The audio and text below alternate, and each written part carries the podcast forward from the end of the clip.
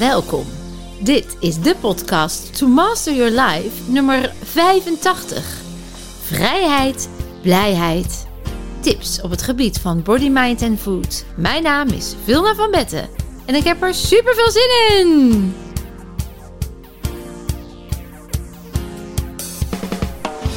Hallo dames en mensen, alweer een nieuwe podcast en vandaag gaat het over vrijheid, blijheid. Wat is vrijheid eigenlijk? Wanneer ervaar je vrijheid? Leidt dat tot blijheid? En hoe doe je dan vrijheid? Um, ik wil eigenlijk even daarvoor naar een situatie waar we nu in zitten. We zijn op dit moment vol in de coronaperikelen met alle maatregelen van dien. En wat we veel terugzien en terughoren is dat mensen zich dan beperkt voelen in hun vrijheid. Ze moeten verplicht een mondkapje op, verplicht anderhalve meter afstand. Um, ze moeten uh, bepaalde werkzaamheden mogen niet doorgaan. Dus eigenlijk zien we dat waar je voorheen als normaal je anders kon gedragen, er nu een soort nieuwe normaal van jou wordt verwacht, die niet is zoals jij je wil gedragen. En dat is natuurlijk dan een beperking in je vrijheid. Los nog van het gegeven dat er wordt gesproken over het wel of niet verplicht vaccineren. He, er gaan al geruchten dat als we nu geen vaccinatie nemen, we dan bijvoorbeeld niet meer naar bepaalde landen op vakantie mogen. Kortom, dat zou betekenen dat ons iets wordt opgelegd wat niet goed voelt, wat waar ook niet in mee willen. Maar als we dat niet doen, de consequenties ook voor ons zijn. En dan gaat er bij ons in ons brein eigenlijk iets mis en voelen we ons onderdrukt, niet volwaardig en uh, krijgen we stress en kramp. Want dat heeft eigenlijk te maken met een aantal dingen. Eén, op het moment dat jij je niet meer uh, adaptief opstelt naar de groep die allemaal kennelijk vinden dat vaccinatie door moet gaan of het wordt opgelegd en jij doet niet mee. Nou, dan val je dus buiten de groep en dan is vanuit de evolutie gezien je evolutiekans nou eenmaal kleiner en je overlevingskans is dus ook kleiner. Dus uh, ja, ben je geneigd, geeft het stress als je niet meedoet, ook al weet je dat het niet goed voor je is we willen dan toch liever bij de groep horen omdat we willen overleven. Tegelijkertijd is dit iets zo fundamenteels voor jou wat niet goed voelt, dat je de stress krijgt van het idee dat jij iets anders doet dan de groep. Een tweede ding wat meespeelt, dat is echt de cultivering in ons uh, land, is dat als je uh, het is opgelegd dat je eigenlijk moet doen wat de autoriteit tegen je zegt. En die norm die moet je hanteren, want anders moet je je schamen. Hè? Anders ben word je veroordeeld. Dus we zien ook dat er een soort veroordeling komt op het moment dat jij je anders gedraagt. Als jij, zodra jij je onderscheidend opstelt of je kop boven het maaiveld uitsteekt, dan zie je eigenlijk dat je afgestraft wordt. En dat uh, afstraffen, dat willen we natuurlijk vermijden of dat geeft stress. En een derde belangrijk component als het gaat over vrijheid, dan zien we dat we zelf in ieder geval het gevoel willen hebben dat we een vrije wil hebben. Dat we kunnen kiezen wat voor ons, wat we denken dat voor ons goed is. En op het moment dat dat dus niet gebeurt, en jij hebt dus geen controle meer over je eigen leven, want zo voelt het dan, ja, dan zie je dus dat dat weerstand oproept en dat je daardoor ook stress ervaart. En die drie componenten zouden kunnen ja, veroorzaken dat jij nu in een specifieke uh, gevoel van angst komt, of in een kramp, of in een chronisch stressmodel, omdat je gewoon geen uitweg ziet. Hè? Je bent, het is out of your hands. En dat gevoel van geen controle hebben, ja, dat maakt vaak machteloos.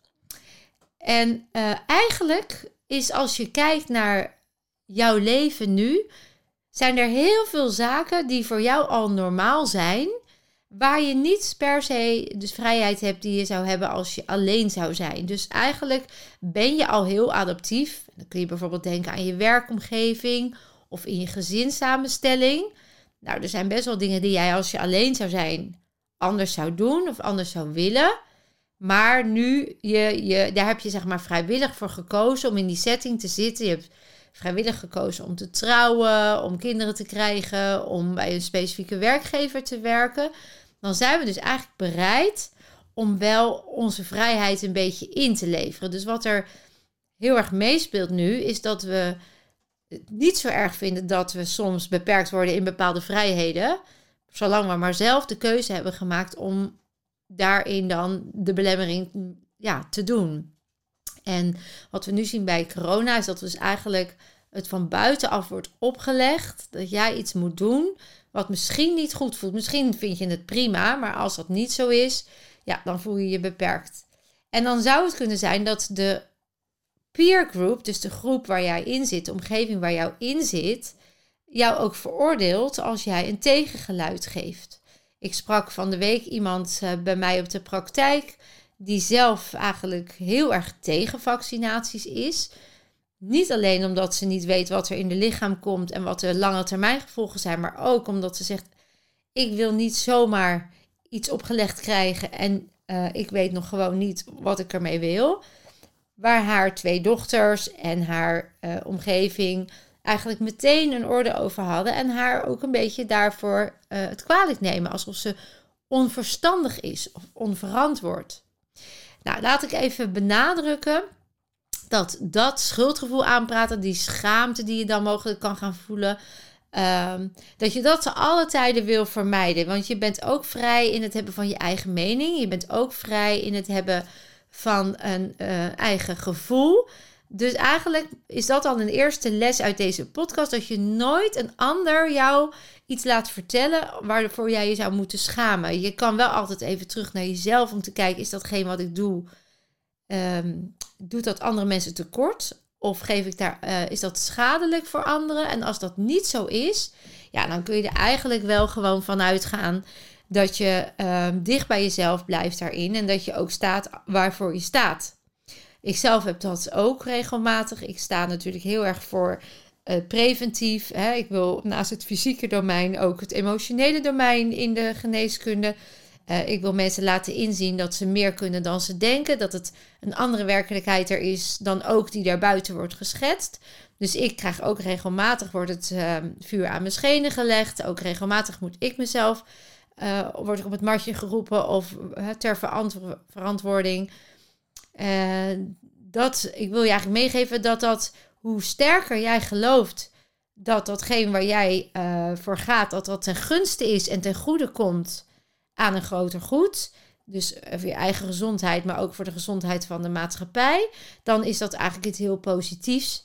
En dan is het juist belangrijk dat je dat heel sterk blijft geloven, zodat je het ook kan blijven uitdragen. En die afwijzing en die commentaren niet ziet als persoonlijk, dat jij wordt afgewezen, maar dat je het ziet als gedrag waar nog onwetendheid achter zit, of waar mensen in angst zitten, of dat ze zich bedreigd voelen, of jaloers, of dat ze gewoon het niet kunnen bevatten wat jij mededeelt. En dat er, als dat zo is, het brein eigenlijk een soort in de war raakt en dan dus er iets van vindt. Dus een oordeel heeft over dat andere.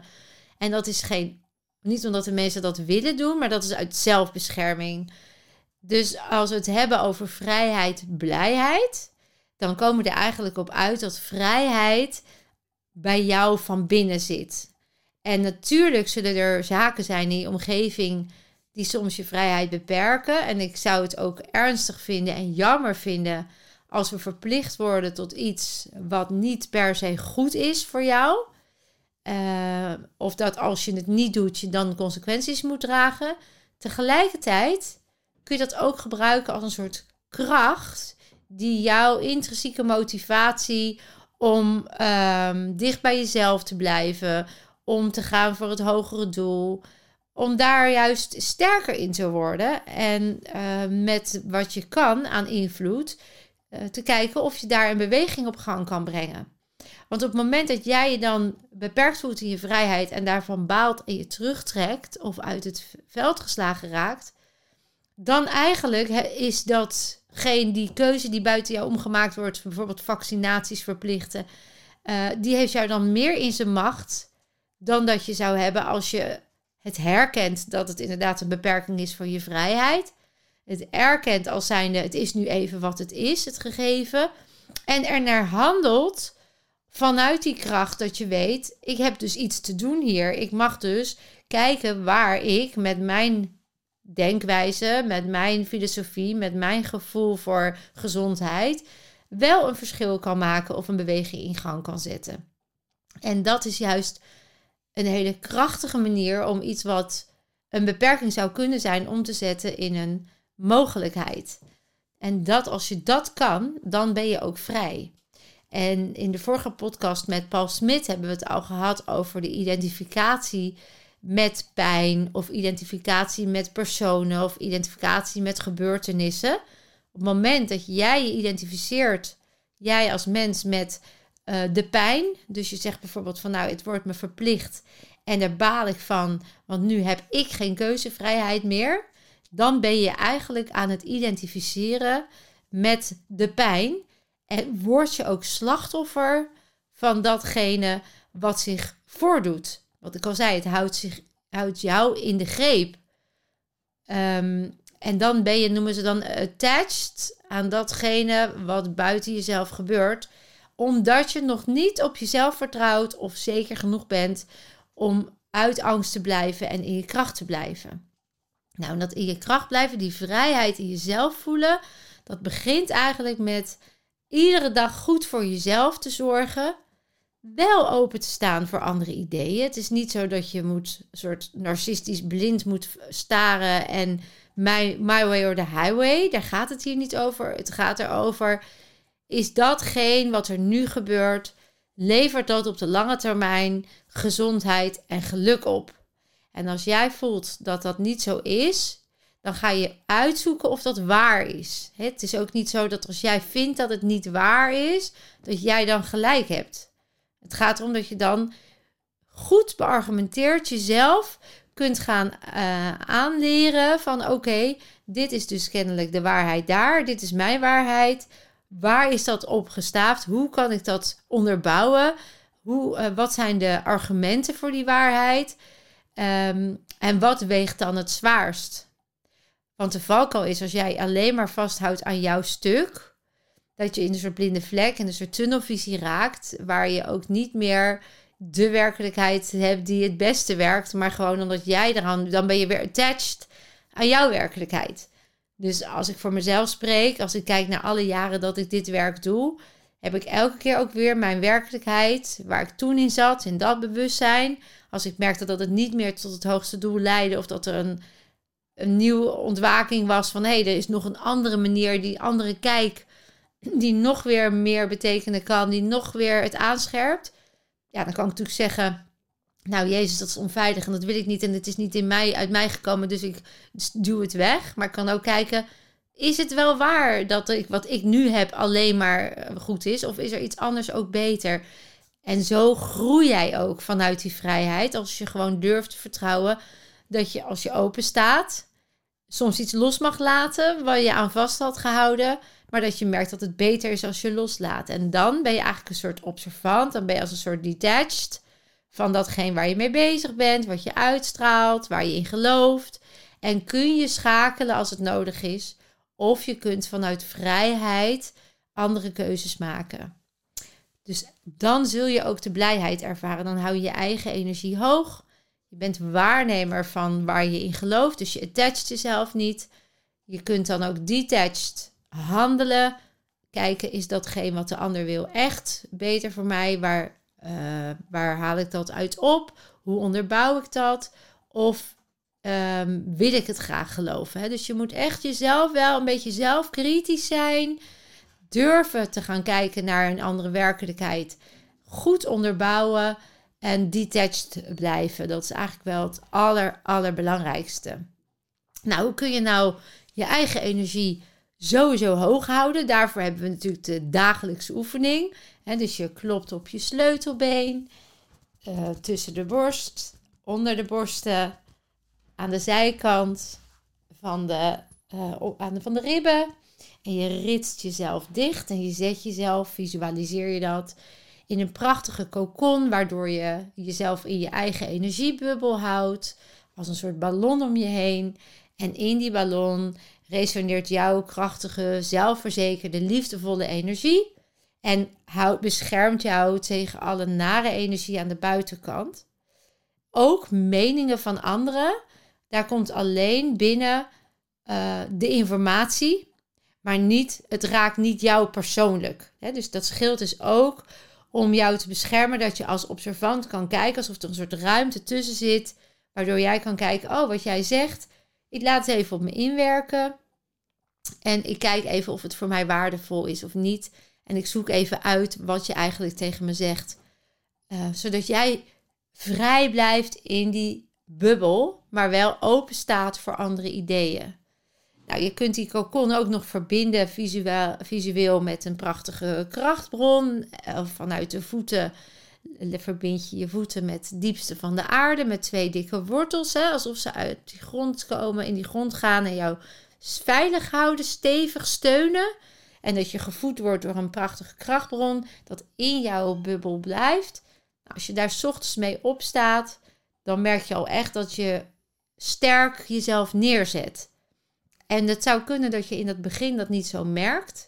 Maar op den duur merk je echt dat dat een verschil gaat uitmaken. De mensen die die dagelijkse oefening doen.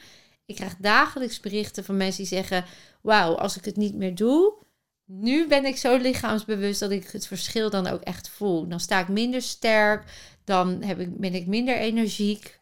Dus maak daar gebruik van. Uh, je kan ook nog uh, jezelf dan vervolgens kruislinks neerzetten. Dat kan je zitten doen, dat kan je staan doen. En je kunt dan het gewenste bij jezelf affirmeren. Dus ik voel me vrij. Ik heb uh, recht om mezelf te uiten.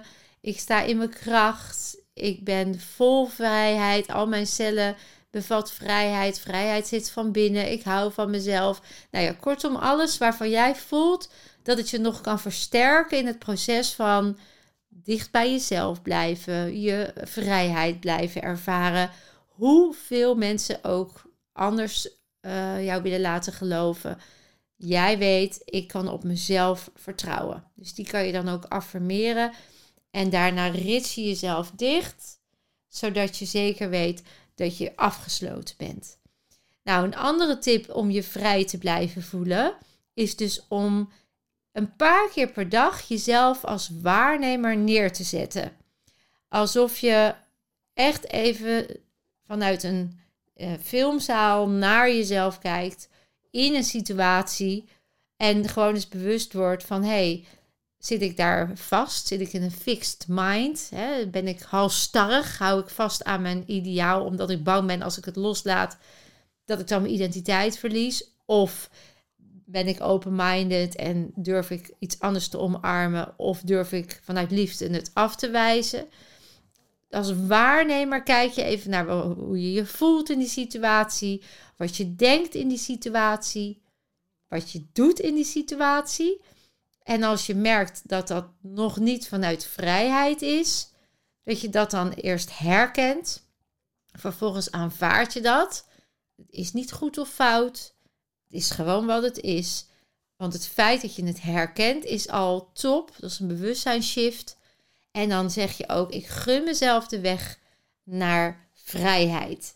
je mag dus ook daarin nog groeien en bloeien. Dus dat is een tweede tip uh, die ik je eigenlijk mee kan geven. En een derde tip die hier heel erg in kan bijdragen in die vrijheid, is dat je bijvoorbeeld een vision board maakt. Dus in uh, of, of, of, iets wat je voor je kan zien, wat je ophangt, waar je gewoon heel, heel groot het woord vrijheid opzet. En iedere keer als je daar langs loopt, je kan hem ook als wachtwoord invoeren op je telefoon. Of je, zet het, um, je hangt het in de wc, een bordje vrijheid, blijheid. Iedere keer als je dat dan voorbij ziet komen, dan weet je, oké, dit is ook weer waar ik voor ga. En vergroot je het bewustzijn om dat wat zich al heeft gemanifesteerd in jouw gedachten, ook in al je cellen te ontluiken.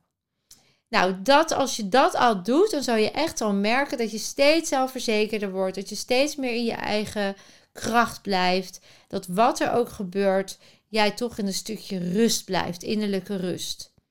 Dan wil ik je natuurlijk even attenderen op de binaural beats meditaties. Die ik eigenlijk standaard zou willen adviseren in je dagelijkse routine. Die binaural beats die zorgen ervoor dat je in je ene oor een toon hoort en in de andere oor ook. En daarmee krijg je golven, hersengolven die al op de innerlijke ruststand gaan staan, waardoor jij je als observant veel makkelijker kan neerzetten. Waardoor jij je rust veel meer vergroot, waardoor jij het veel makkelijker maakt om in je kracht te blijven. Dus zorg dat je een omgeving creëert, dat je hulpbronnen inzet, die het gewoon voor jou makkelijker te maken om zen te blijven, om vrij te blijven, wat er ook gebeurt. Ik denk dat je met deze vier tips al heel veel uh, vooruit kan.